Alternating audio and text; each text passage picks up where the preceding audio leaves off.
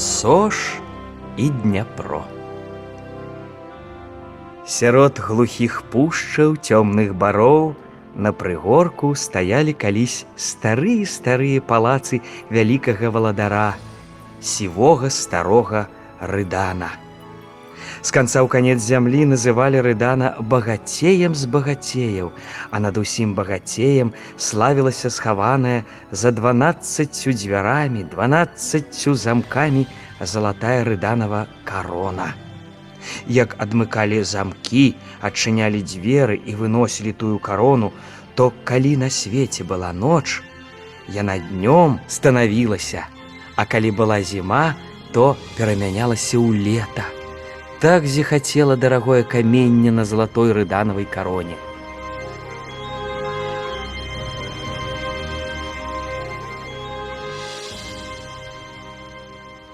Зайздросцілі суседнія валадары і князі рыдану і пастанавілі здабыць карону.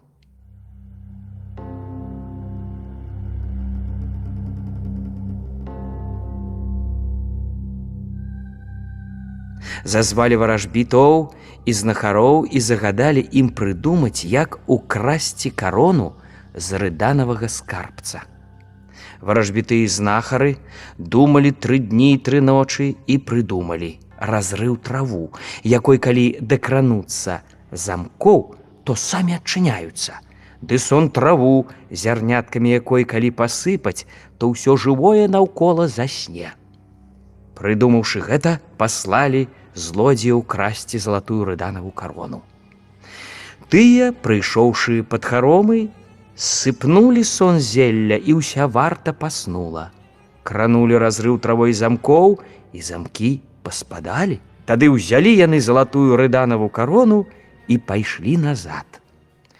Устаў раніцой сівы рыдан, падышоў да акна, ажно глядь, Уся варта покатам спіць, увесь народ у сне беспрабудным валяецца.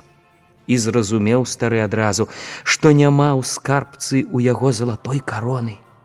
Падышоў ён тады да звона, удару раз, удару два і прачнуліся два рыданавы сыны, Сош і Дняпро.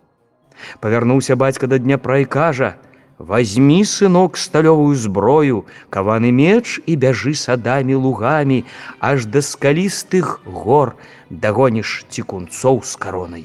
Схапіўся Дняпро і чым хутчэй пабег, а сош застаўся пры бацьку. Сеў на залаты пасад стары рыдан і кажа сыну: « Прылажы сынку вуха да зямлі паслухай, ці бяжыць Дняпро.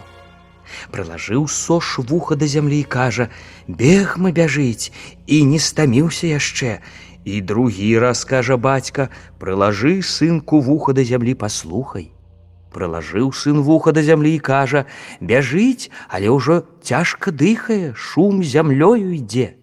І трэці раз сказаў бацька паслухаць сыну, сын прылажыў вуха да зямлі і кажа: « Гул зямлё ідзе і крык вялікі, Тады ўстаў рыдан з пасады і кажа: « Бяжыш ты сынку імхамі, балотамі на падмогу яму, бо сам адзін не праб'ецца ён праз скалістыя горы. Пусціўся сош імхамі, балотамі на падмогу брату, а стары бацька застаўся чакаць сыноў. Доўга чакаў стары, не дачакаўся, з маркоты вялікай пачаў плакаць. Бадай нам, дзеткі мае, слязамі разліцца.